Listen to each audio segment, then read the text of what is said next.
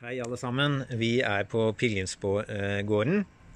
Sist gang hørte dere fra sofakroken før sesongen begynner. Men nå, Ingeborg, nå er det liv her i enda større grad. Ja, nå har vi kommet et godt stykke ut i juni, og nå har de første pilegrimene kommet. Vi snakka akkurat med ei her i stad nå, som var så glad for å ha kommet til Trondheim. Og som eh, har gått eh, ei uke hvert år de siste fem årene. Ja. Så det var jo veldig hyggelig. Og nå vil det gå flere. Og nå vil det gå enda flere. Så det her blir, ja, Vi ser fram til en eh, pilegrimssommer med Vi tror det blir ganske mange nordmenn eh, fremdeles, sånn som det var i fjor. Eh, men vi tror også at det kanskje etter hvert kommer noen flere utlendinger. Ja. Så Og så har vi jo dette flotte triangelet med Pilegrimsgården, Nidarosdomen Når jeg sa triangel, så får jeg få si hele Trondheim by med byhistorien. Så det er noe av det vi skal dykke mer inn i i dag. Ja, for nå er, står vi utafor pilegrimsgården, og så skal vi ta beina fatt. Og så skal vi gå via domkirkegården og ned til Klemenskirka. Og alt dette her ligger langs bredden på Nidelva, der Trondheim by oppsto en gang. skal vi høre mer om.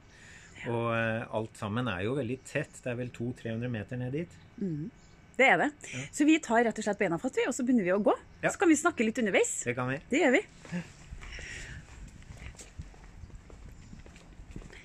Nå går vi altså ut av pilegrimsgården, og da går vi langs Nidelva, som Einar sa her i stad. Vi har ikke engang introdusert oss igjen, Einar. Kanskje vi må gjøre Nei. det først? Jeg heter Einar Vegge og er pilegrimsprest i Trondheim. Jeg har drevet med det i åtte-ni år nå.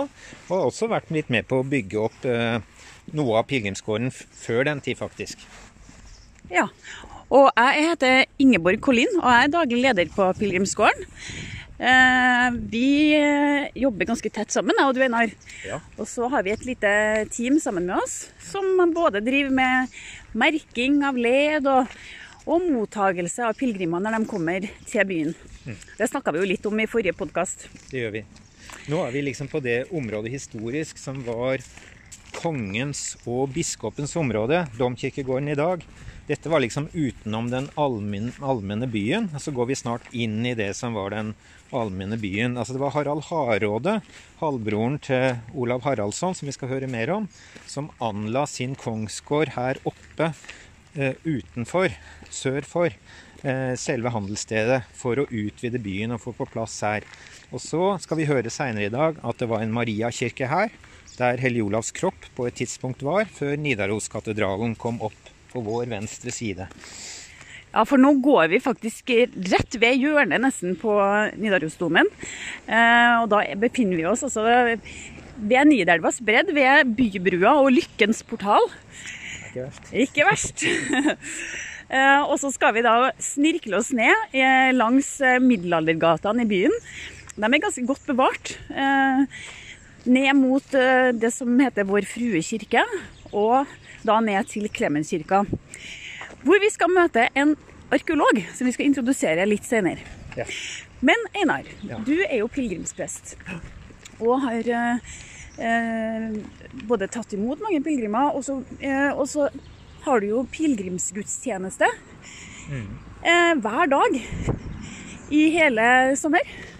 Det stemmer. Kan ikke du si litt om det? Jo, sammen, jeg, jeg, jeg har ikke alle sjøl. Jeg er sammen med alle dom, eh, prestene i domkirka. Så har vi altså en gudstjeneste hver dag klokka 17 først nå, og så etter hvert klokka 18 utover sommeren.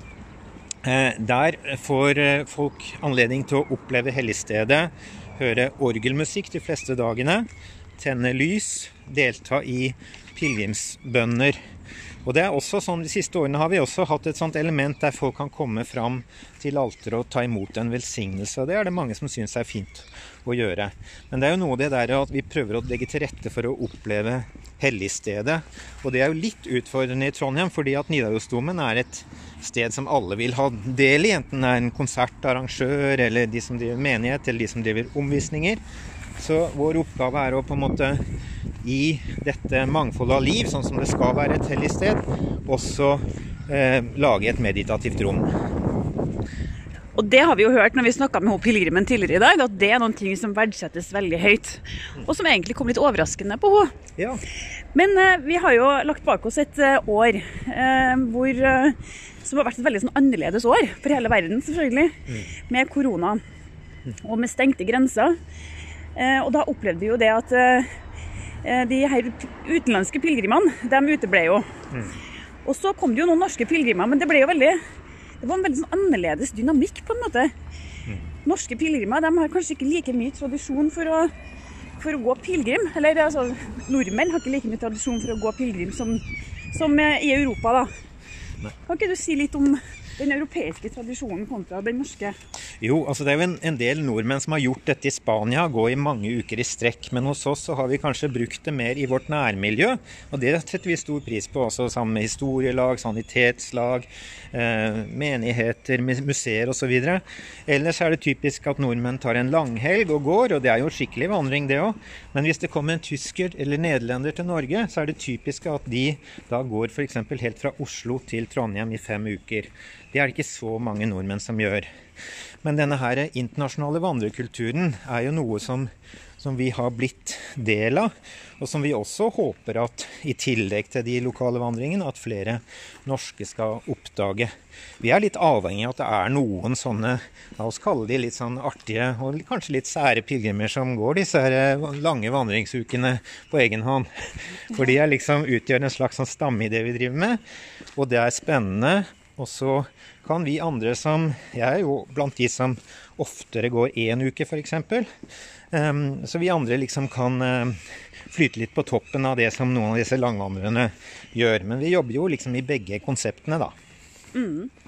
Og i fjor så var det jo nesten ikke svensker som kom til oss pga. stengte grenser. Nei. Dem håper vi jo at vi skal få se flere av i år. Det gjør vi. Um, nå skal vi se, nå skal jeg bare si det, at nå, nå beveger vi oss også nedover i denne gamle middelalderbyen vår.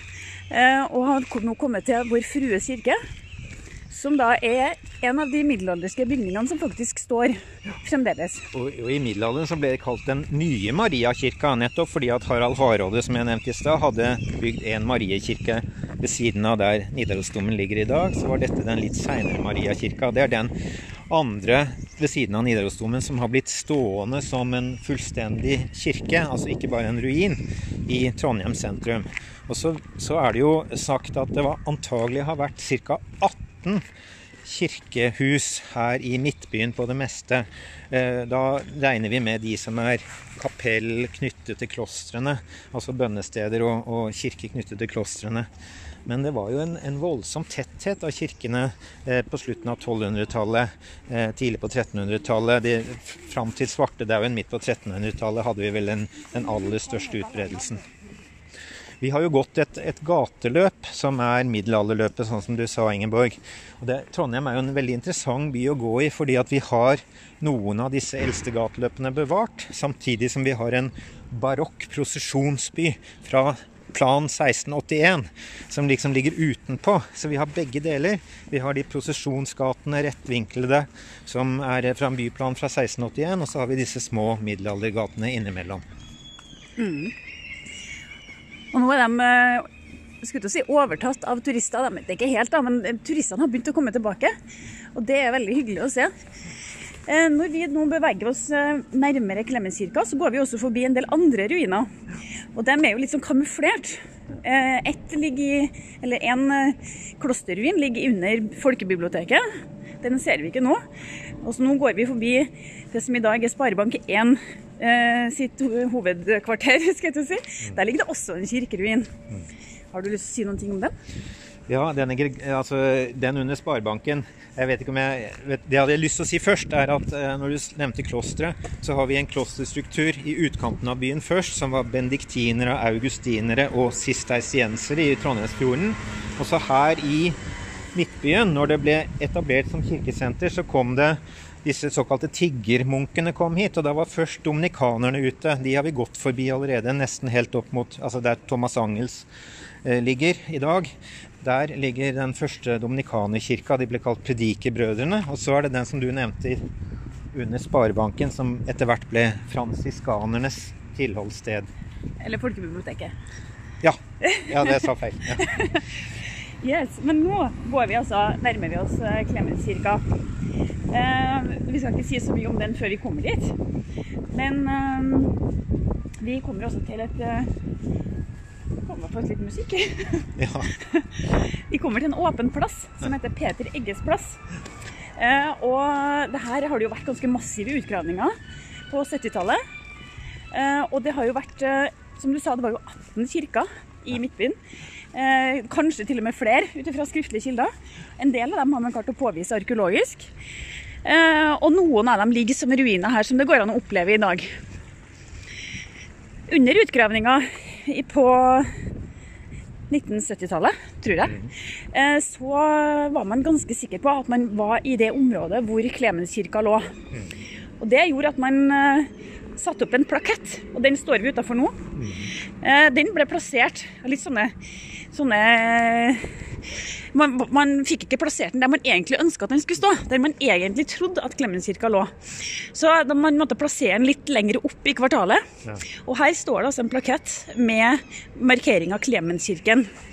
Og den står altså rett utenfor inngangspartiet til det som, eh, som er Klemenskirke-ruinen, eh, som vi skal gå inn i nå. Og det var jo mer tilfeldig, man jo kanskje sant? kunne si. Det er en morsom ting. Og her er Klemens framstilt sånn som han som i helgenlitteraturen er framstilt der, er eh, Clemens da den tredje biskopen av Roma, altså så langt ned mot Sankt Peter en kan komme i historien. Eh, han er framstilt med en, en kirkebygg og et, et anker, fordi at han etter eh, helgen, hagiografien, da, ble martyr ved at han ble senket i sjøen med et anker og drukna. Men så skjedde det undre på det stedet han da døde, og det skal vi høre mer om. Ja.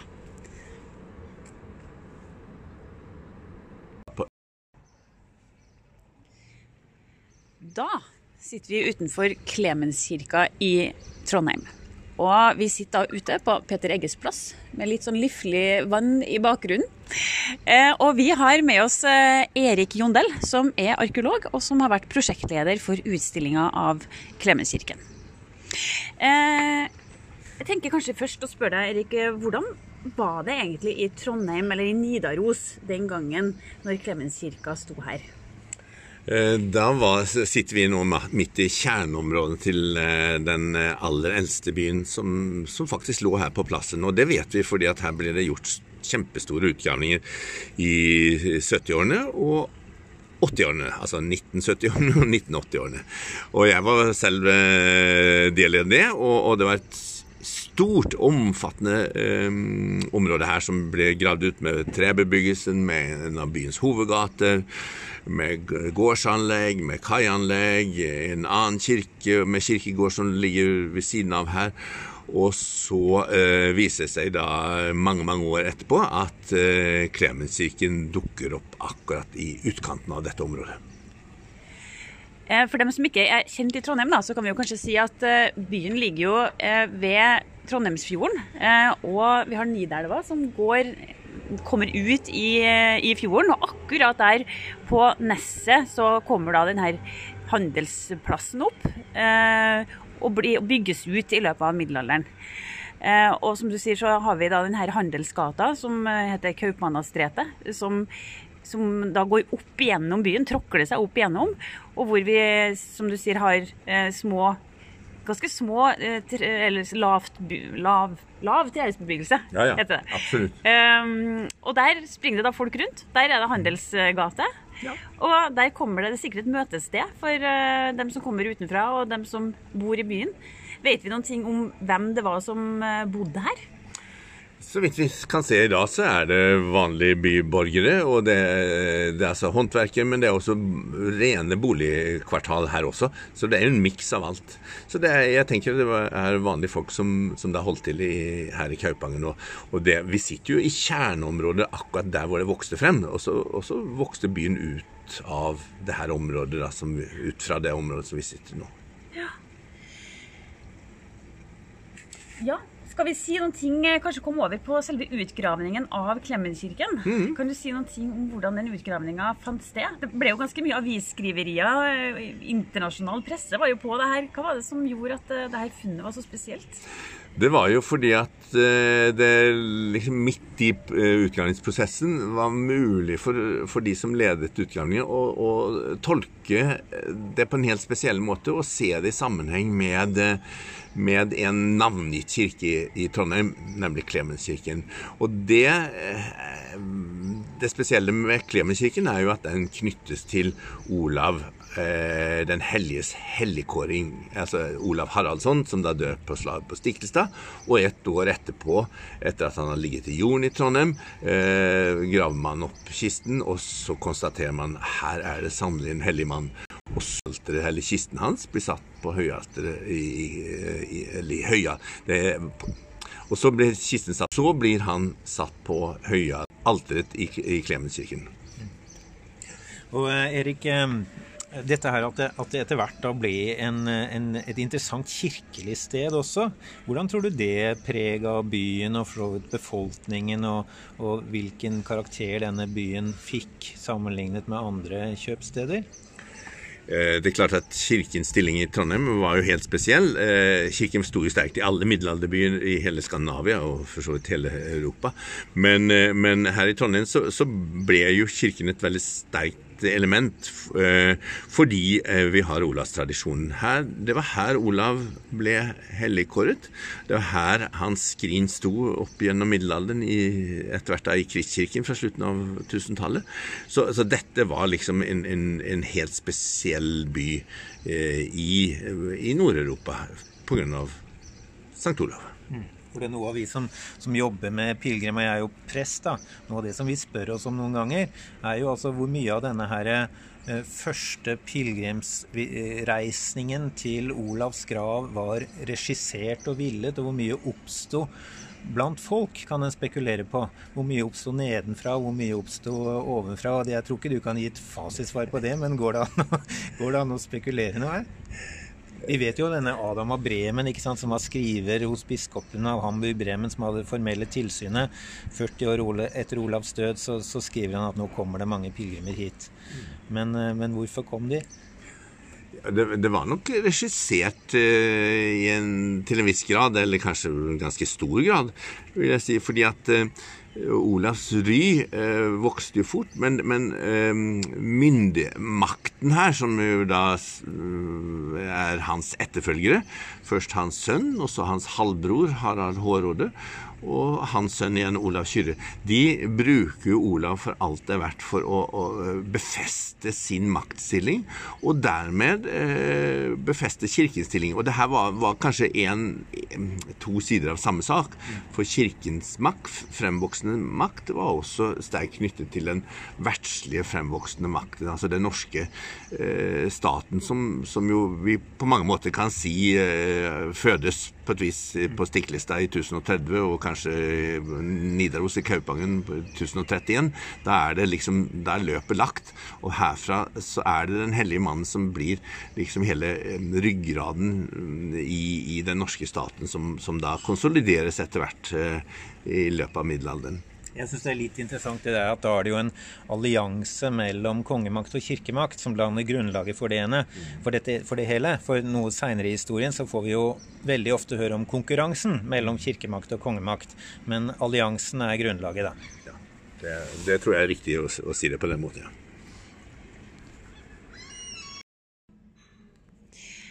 Da har vi tatt turen inn i eh, selve utstillinga. Og vi har kommet inn i den første delen. Vi står ved, på en skulle si, nesten ved en bro eh, og ser ned på ruinen, som da er Klemenskirka. Vi står på et galleri, kan man nesten si. Og så er det da en utstilling som er bygd rundt. Og så er det en film som går to ganger i timen, er det? Ja. Som forteller historier om hvordan Olav ble gikk fra å være vikingkonge til å bli helgen. Så da Erik, kan du fortelle oss litt om hvordan denne utstillinga er bygd? Og hva dere har tenkt når dere laga utstillinga? Ja, det, det, som vi tok utgangspunkt i, var jo de veldig eh, godt bevarte restene av grunnmuren til Klemenskirken. Og det ligger jo foran oss her nå som et utgravningsfelt. Eh, du sa vi står på et podium, ja det er riktig det. Men samtidig så er det en eh, underetasje her som vi da blir invitert til å komme ned i. Og der ligger restene av Klemenskirken, og ikke minst alteret i, i kirken. Um, og ettersom det her var en trekirke, så er det meste av treverket helt borte. Og det vi ser her, altså, er eh, grunnmurene for, eh, for, for stavkirken her. Mm. Eh, vi ser også en utvikling, en, en modell, av hvordan eh, kirka har sett ut til ulike tider. Ja. Kan du si litt om hvordan, den her har, eh, hvordan man på bakgrunn av de arkeologiske funnene har kunnet rekonstruert hvordan man tror den har sett ut? Ja, eh, vi er jo i en fremdeles i en fase hvor det forskes mye på, på materialet her. Da. Men det vi ser er at det bygges en nokså enkel stavkirke til å begynne med. Og så blir den ødelagt og uh, flere ganger brent. og men gjenoppbygd hver eneste gang.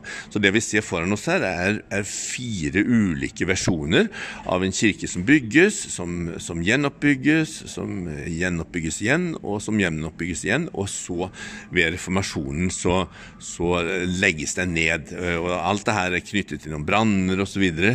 Eh, så det er en, en, en, slags naturlig utvikling. Og det at kirker gjenoppbygges etter at de har vært ødelagt, det, det kjenner vi fra alle steder over hele Norge.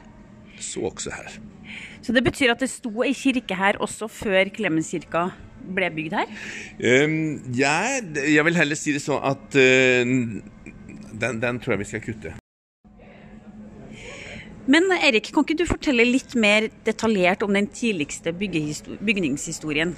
Jo, det skal jeg gjøre. For der er det faktisk uh, spennende ting som har skjedd akkurat i det siste. For det viser seg at uh, dateringsgrunnlaget som, som, vi først hadde her, uh, må justeres litt igjen. For det er nemlig slik at den eldste kirken som sto her, den er jo en, en veldig enkel stavkirke. Og den, eh, den, har de da faktisk opprinnelig bygget på et annet sted. Den sto Jeg tipper at den sto nord for oss her. Eh, og eh, den ble tatt ned etter en 40-50 år og flyttet akkurat til dette stedet. Eh, og så sto den her til begynnelsen av 1100-tallet en gang. Og så ble den da ødelagt og bygget opp, ødelagt og bygget opp, som vi akkurat snakket om. Så spennende. Det er jo en av de spennende tingene med arkeologi, at man eh, etter utgravninga her i 2016, var det ikke det? 2016-17 eh, var det, ja. Ja, ja 2017, ja. Eh, og nå er vi så 2020, og ennå så finner man 2021. Unnskyld, 2021. Jeg stoppa med korona. Ja, ja, ja. Vi har kommet til 2021, og fremdeles så finner man altså ut nye ting av gjenstandsmaterialet som er funnet her. Veldig spennende. Ja, og det, det som jeg syns er fascinerende, er jo at når du sier det på den måten du gjør, Erik, så betyr det likevel at, at den kirka vi har her, var jo eh, det stedet Altså den kirka var eh, åsted for hendelsen da Olav ble helgenkåret. Og det kommer vi jo liksom tilbake til i detalj. Så sånn sett så er vi liksom på urhistorien til pilegrims Eh, trafikken i Trondheim. Pilegrimsbesøkende i Trondheim. Og så syns jeg det er veldig spennende å se hva er det som har forma denne tradisjonen videre. Helt fram til vi vet vi får en veldig helt bevisst regissert historie rundt 1170- og 80-tallet, da paven og erkebiskopen i Trondheim har direkte brevskrivingskontakt og utformer oktogonen og Passiolavi som helgenfortellingens grunnlag. 150 år etterpå. Ja. Det er jo fascinerende hvordan denne kirken altså, den knyttes jo så sterkt til Olavs historie. Og, og, og, der er jo da, eh, når kirken bygges av Olav Haraldsson eh, i 1015 eller 1016, eh, så jo, blir jo da dette Olavs kirke i aller høyeste grad etter hans helligkåring i, i august 1031. Og, og den knyttes jo så sterkt til denne tradisjonen. Så, så, da Kirken av en eller annen grunn som vi ikke helt riktig vet, men jeg har kanskje forslag til én forklaring, eh, den blir flyttet da 40-50 år til, så, så, er jo dette fortsatt Olavs kirke. Det er i denne kirken han ble helligkåret. Og, og, den får en veldig sterk posisjon i, i eh, det religiøse Trondheim, og ikke minst da selvfølgelig i pilegrimskulten vår, hvor eh, alle de som kom til byen, de måtte jo innom Klemenskirken. Det var jo her det hele startet. Og så må Jeg jo si, jeg har jo vokst opp her i byen og er jo utdannet arkeolog sjøl. Og eh, har jo vokst opp med denne Olavshistorien. Men samtidig så har vi jo aldri hatt et sted hvor vi virkelig har kunnet oppleve den. Eh, så det her gir jo en anledning til å bygge nettopp denne utstillinga, som gjør oss bevisst på den historien som byen på mange måter er fundert på, eller fundamentert på. Når dere har laga utstillinga, hvordan tenkte dere rundt oppbygginga av en for å fortelle denne historien? For den er jo sånn som det er, den er plassert i dag, så stå, ligger den jo i nærheten av en vegg i vegg med en kafé. Mm. Og den skal jo være selvforklarende. Eh, hvordan kommuniserer man denne historien til folk som lever i dag, og ikke kjenner denne tradisjonen fra før? Ja, det, det, var jo absolutt en utfordring. Men for det første så var det viktig for oss å presentere som et eh, hva skal vi si, nærmest et arkeologisk ut, utgravningsfelt. Et sånn frossen situasjon, da. Så det, det er litt som utgangspunktet. Og så kan du stå her og se ned i utgravningen. Men så er det jo denne Olavshistorien som er, er kjernen i det hele. Og der valgte vi å gjøre det med hjelp av to eh, filmer filmer. Eh, vi sa en film, men det er egentlig to deler av den. Først er det en, en eh, slags eh, Eller ikke slags, det er en tegnet film om Olavs liv fra ung viking som drar ut i verden og røver og oppfører seg veldig ille, og det som sikkert verre her. Og så, og så ser han da uh, ute i Europa at uh, kristendommen har kommet, og så, og så lar han seg døpe i Rouen. Eh, etter noen tiår. Og så vender han tilbake til eh, Norge. Og eh, er med på å forme den eldste Kaupangeren. Det, det er liksom tema for den første filmen. og Den er gjort i en veldig fin tegnet strek av en kunstner som heter Runi Langrum. Og så går vi over og forteller om Olavs eh, eh, endelikt, så å si, om, om slaget på Stiklestad og hans helligkåring. Og det eh, gjør vi gjennom et Eh, fire bilder fra, et, eh, fra, middelalderen selv. Det er nærmest som en tegneserie fra middelalderen. Eh, det såkalte Olavsantimensalet, som har nettopp fire scener. Olav rir til Stiklestad, han drømmer natten før slaget, han, hans, drapet av ham på Stiklestad, og ikke minst helligkåringen her ved Klemenskirken i 1031. Og når vi har fortalt det, så tror jeg de fleste eh, får med seg at det er liksom Olav som er gjennomgangstråden i, i utstillingen her. Og så er det masse andre ting eh, rundt her som man kan studere i mer eller mindre grad om man har lyst på. En av de tingene jeg syns er veldig fint med den filmen, det er jo at dere har klart å formidle den litt uavhengig av språk. Altså Dere har ikke sant, et, en skrevet blyanttekst som kommer som tegnefilm på norsk og engelsk, men bortsett fra det så føler du faktisk historien, uh, om du nå er polakk eller ungarer eller, uh, eller, russer, ikke sant, eller uten at du må ha det i mange språk hele tida. Og så er det ikonografien, ikke sant, som i hvert fall i kristenheten har mange fellestrekk, som dere bruker fra, fra Olavs Olavshantemensale. Så jeg syns det er genialt gjort, egentlig. Ja, ja hyggelig å høre. Ja. Jeg, jeg, tror det funker ganske bra for folk flest. Absolutt. Og det her er jo en utstilling som ikke er bygget for mine kolleger eller historikere. Det her er bygget for, for at folk skal oppleve det her. Det er vi veldig glad for.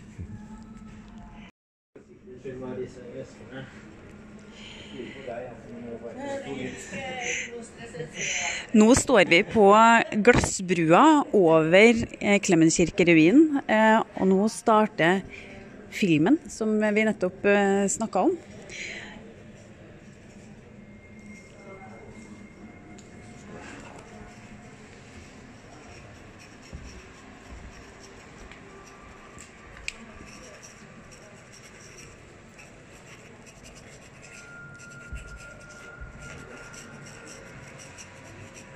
Her fortelles det først med små skrift om, om hvordan eh, Olav drar ut i, i hele verden. Og så, begynner det med hans eh, At han, han eh, fødes og vokser opp på, på, eh, på Ringerike.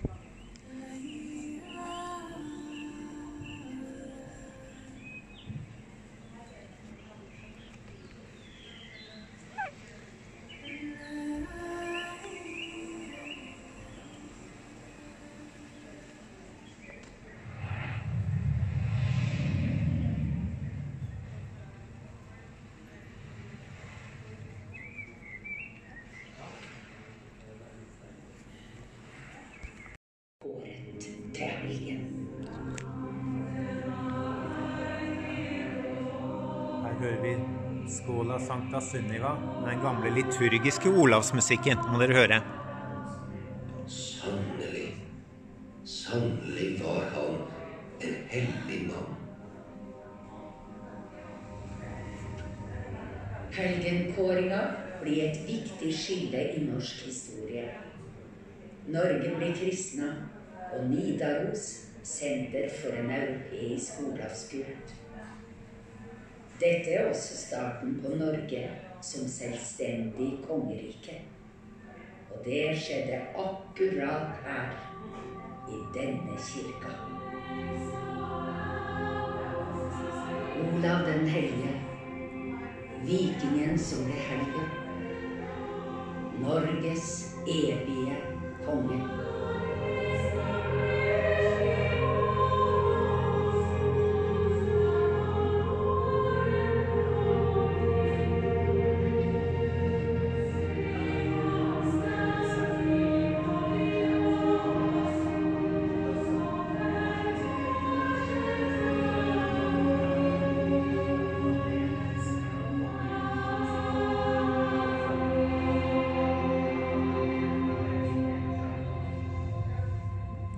Dirigenten for um, Skåla Sankta Sunniva, Anne Kleivseth, har restaurert dette materialet. For det er òg noe som er en del av den uh, arven vi har i olavstradisjonen.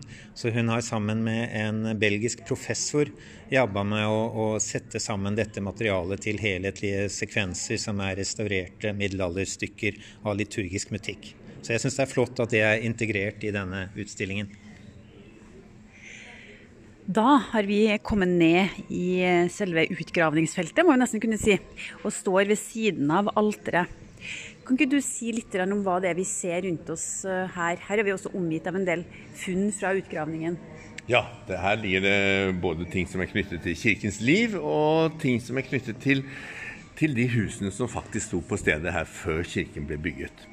Eh, men så er det da grunnmurene til kirken. Så det er jo veldig stødige steiner som, som dere ser som, som, ligger her. Og ikke minst uh, alteret uh, som troner her i koret. Men så her borte så er det jo noe spennende. For fordi at under kirken, eh, under den eldste kirken, så viste det seg at det lå hus fra vikingtiden. Og det lå i tre ulike lag her, og kanskje det dateres tilbake så langt som til midten av 1000-tallet. Nei, midten av 900-tallet, unnskyld. Midten av 900-tallet. Eh, og har vært her da i tre forskjellige faser før kirken ble etablert på dette stedet. Vet vi noen ting om hva de husene har vært brukt til? Det har vært både boliger og, og verksteder. Øh, og, altså, så det er permanent bebyggelse i Kaupangen, i den aller eldste Kaupangen. Og det i seg er en ganske spennende eh, ting ved denne utgravningen. At vi har avdekket hus som går tilbake langt ut på 900-tallet. Det er for så vidt bare befester de tingene som vi observerte da vi grov ut her på, på 70- og 80-tallet. Eh, at det var eh, nokså gammel bebyggelse i akkurat dette området. Det ligger også noen eh, skjelett her utenfor eh, kirkemuren. Ja, det, det, er, det, er, ikke et uh, levende skjelett, og ikke et ordentlig skjelett som ligger der, men det er fotografi av, av, en av de gravene som var. Og det her er en uh, individ, så en mann, som, eh, hvor, hvor skjelettet var veldig veldig godt bevart. Så vi tenkte at for å illustrere at det har vært en kirkegård rundt eh, Klemenskirken her, så, så, ville vi ha med ham i form av et fotografi. Eller så ser du på noen planer her at det var, en stor kirkegård rundt eh, kirken her. Så det, det var det, eh, i tillegg til å være Olavs kirke, liksom, så, så var det en vanlig sognekirke i byen. Så her lå det sognebarn som ble begravd rundt kirken. Her eh, borte i hjørnet så har vi en steinstruktur. Det ser ut som det er noen ting som er knust. Ja, det er det. Og det er eh, også et av de virkelig spennende ting her. Og, og den får, får en, en, en, en Jo, det er rester av en døpefont, øh, viser seg. Og den har, som du sa, blitt knust. ganske Det har blitt knust med hensikt, viser det seg. Og da må vi gå tilbake, for å forklare eh, må vi gå tilbake til den aller eldste kirken, som altså ble oppført her på stedet. Det hadde først stått 40-50 år et, et, annet sted her i Kaupangen, og så ble den flyttet hit eh, 1050-1060 en gang. Og da gjør de slik at da tar de med døpefonten fra den opprinnelige kirken. og De knuser den, slår den i stykker, og så bruker de det til fundamenteringen her. Altså De legger de steinene sammen med andre steiner også, rundt disse kjempestore eh, hjørnestolpene i, i stavkirken. Altså det er jo selve stavene i stavkirken. Eh, så, så legger de det i, i stolpehullene der for at disse skal stå, eh, stolpene skal stå stødig. Og dermed så overfører man jo ikke bare tre-byggemateriale, for det er nærmest som et byggesett, det her. Da overfører man hele den spesielle kraften som ligger i, i døpefonten, og, og, tar med seg kirken hit til den nye plasseringen midten av tusentallet. Det er jo en, en morsom og veldig fascinerende måte å tenke om det hellige stedet, syns jeg. Å oppleve det hellige stedet som på en måte er helt fremmed for sånn som vi er, mm. men sånn som jeg syns samtidig har litt med den der pilegrimsfølelsen som oppstår i mennesker i vår tid også. Det er liksom litt en sånn sans for det hellige som kanskje ikke er så helt eksakt, men som folk faktisk eh, tar litt til seg, syns jeg vi møter, Ingeborg, når vi møter folk. At de oppsøker noe som ikke er helt forklarlig, men som de dras mot. Eh, og på en måte, det er ikke helt ulikt dette som vi ser i, i førmoderne tid. Mm -hmm det er riktig. Og, og, og jeg syns at eh, det illustrerer jo at vi må ikke bruke våre egne lutheranske hoder, som de fleste av oss er, utdelt til å ha. Men, eh, men vi, må, vi, må, vi, må, være eh, klar over at et annet tankesett, en helt annen tid som vi er tilbake i. Og vi moderne mennesker kan jo ikke sette oss inn i alle aspekter av det her. Men, men det her viser som sagt at det er noe uh, her som vi, som vi bare må, må, ta med oss, at det er en del av historien. Mm.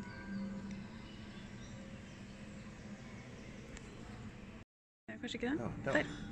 Vi står nå ved alteret i, eh, i Klemenskirken, Erik. Og jeg har skjønt det sånn at når dere arkeologer, du var kanskje ikke med akkurat da, men når de fant dette, så skjønte de at dette var noe helt spesielt. Eh, kan ikke du ta oss litt inn i den fortellingen?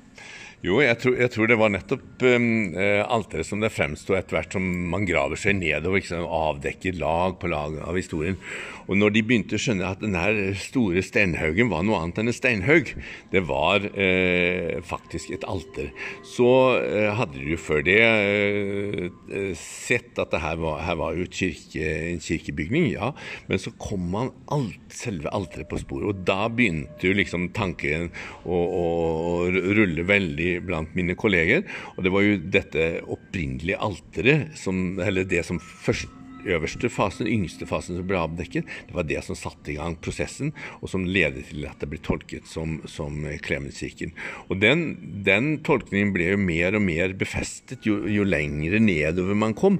Alteret har jo eksistert i, i, mange ulike faser, og den fasen som vi ser foran oss her nå, den er jo stort sett representerer 1100-tallet, men vi har også et, eh, en tusentallssituasjon eh, eh, av alteret som ligger foran oss her, bare som noen sånn fundamentsteiner så det er mange, mange ulike lag i dette alteret. Og det som, som eh, var spesielt ved det første, det, det første alteret man så da når man gro seg nedover, det var jo at det var så stort. Det var bygget opp med trappetrinn, og det hadde en helt spesiell eh, funksjon antagelig. At man, at man gikk, kunne gå opp, altså ikke folk flest, men presten kunne gå opp på alteret liksom i, i, fire eller fem trinn, tror jeg det var. Eh, og, og, og, det hadde sikkert eh, sammenheng med den helt spesielle eh, funksjonen som jo eh, Klemenskirken har hatt i middelalderen som Olavs første hvilested. Det er interessant, for i alterets utforming da har vi på en måte noe av den tidligste historien til Olavskulten. Og så er det en ting som jeg har litt lyst til å spørre deg om, som jeg vet at det ikke er så enkelt å svare på eksakt. Men, eh, men vi vet jo at til slutt så kom jo Hellige Olavs grav til sitt varige gravsted i høyalteret i Nidarosdomen, som da var Olav Kyrres steinkirke i første omgang. Men så har det antagelig vært noen stadier på veien. Ehm, Kan du si litt om hva dere tror eh, denne utviklingen har vært? Ja, da er det jo enklest å ta utgangspunkt i det som eh, sagamaterialet, og særlig Snorre, forteller om Olav Skrin. Og det var jo at først ble det satt opp på eh, Klemenskirkens alter, over, over alteret her. Og så er det hans Det var gudvev rundt skrinet. Ja, det var, ja, ja, ja, det var, det, var det, det, det, flotteste av tekstil man kunne, som det var drapert med. Og så er det sønnen Magnus den gode som da bygger en ordentlig kiste rundt skrinet, så det er liksom den første versjonen av det. Og så kommer jo eh, hans etterfølger Harald Hårhåre og flytter skrinet, angivelig til Olavskirken, og han, han bygger ut enda mer. Og så eh, er det da at det etter hvert på slutten av 1000-tallet havner i Kristkirken. Så det flyttes eh, Nei, nå, nå glemte jeg jo en flytting. Det var jo helt galt av meg, det her. Altså. Først står det Klemenskirken, så står det Olavskirken, og så står det i Mariakirken. Og deretter havner det i, i Kristkirken. Og denne, det- denne Mariakirken er Harald Hardrådes kirke ved siden av det som er Nidarosdomen i dag. Helt, Helt riktig. Og, og den eh, eldste Mariakirken måtte jo da tas ned og, og, og ble gjenoppført eh, Tas ned. Og så ble det en ny Mariakirke oppført der, som vi da kjenner som Vår Frue kirke i dag. Men kan man tenke seg det slik at, at denne Klemenskirken som vi nå står i, etter hvert ble for liten da, for å ta imot eh, både pilegrimstrafikken og gjøre denne utviklingen av kulten, og så at man bygde større etter hvert, eller er det en eh, for kjær tankegang? Ja, jeg tror, ja, det tror jeg er litt for enkel tankegang. For om den var liten eller ikke, spilte nok ingen rolle. Fordi at man holdt de høytidelige markeringene som skulle gjøres rundt Olsok osv. Det kunne man like gjerne stå utenfor kirken og gjøre okay. eh, ved, ved prosesjoner gjennom byen. Eh, så det, det tror jeg ikke spiller så stor rolle. Det er mer at kirkene generelt vokste, eh, og det gjorde alle kirkene eh, opp, opp gjennom middelalderen. Og vi, vi har jo god grunn til å tro at når vi kommer så langt som til at Roma eh, står bak eh, etableringen av et erkebispesete her, så blir det jo en, en større kult med, med prosesjoner på ulike festdager. Vi vet På palmesøndag har de ganske sikkert hatt en prosesjon i byen under Olavsfest, det samme, altså Olsokken. Så slik at disse stedene må vi vel kunne anta har vært brukt eh, i prosesjoner også i middelalderen. Helt sikkert. Eh, Olavskrinet som ble tatt ut av Kristkirken og båret rundt i byen, eh, så var jo dette garantert et av de viktigste stoppestedene. Takk skal du ha. Bare hyggelig. Da er vi tilbake på, eh, ved Nidarosdomen igjen. Vi har vandra tilbake gjennom eh, byen og står nå ved Hva blir det? Nordøstsida av, eh, av Nidarosdomen. Hvor det ble, det ble nevnt tidligere at Olavsskrinet ble flytta til Mariakirka. Eh, og vi tror vi står omtrent der nå, Erik, som fremdeles er med oss. Ja, eh, det er vel litt eh, Vi vet jo aldri helt eksakt hvor den sto, men eh, i det sagamaterialet, eller de skriftlige kildene, er det vel snarere forteller jo om at erkebiskop Øystein måtte ta ned Mariakirken, for den sto i veien når han skulle gjøre sine store utvidelser av, av Kristkirken på andre halvdel av 1100-tallet. Så den kan jo ha ligget her ganske tett opp mot dagens katedral. Eller så er det jo også noen tanker om at den kan ha ligget lenger mot øst her, på et eh, ganske tydelig platå som ligger like øst for eh, oktogonen i, til Nidarosdomen. Og rett ved siden av pilegrimsgården. Rett og slett. Ja. Eh, vi skal takke for oss i denne omgangen. Eh, og så skal vi eh, bare oppfordre til å høre på neste podkast i Pilegrimspodden. Eh, den skal avdekke Nidarosdomens hemmeligheter sammen med Øystein Ekroll, forsker og arkeolog. Eh, vi takker for følget denne gangen, og ønsker alle en god sommer. God sommer. God sommer, ja. Sånn. Ja, når vi nå har vandret fra Klemenskirken og opp til eh, Nidarosdomen, eller Kristkirken som vi må kalle den for hvis vi skal være i middelalderen, så har vi faktisk gått gjennom hele byen. Eh, og større var den ikke. Den lå som et lite belte, ganske smalt belte faktisk, langs eh, Nidelven. Med sitt utspring da i, i den første bebyggelsen som ligger der hvor Klemenskirken eh, er arkeologisk utgravd, og også oppover her mot katedralen. Og her eh, så ligger jo også Kongsgården.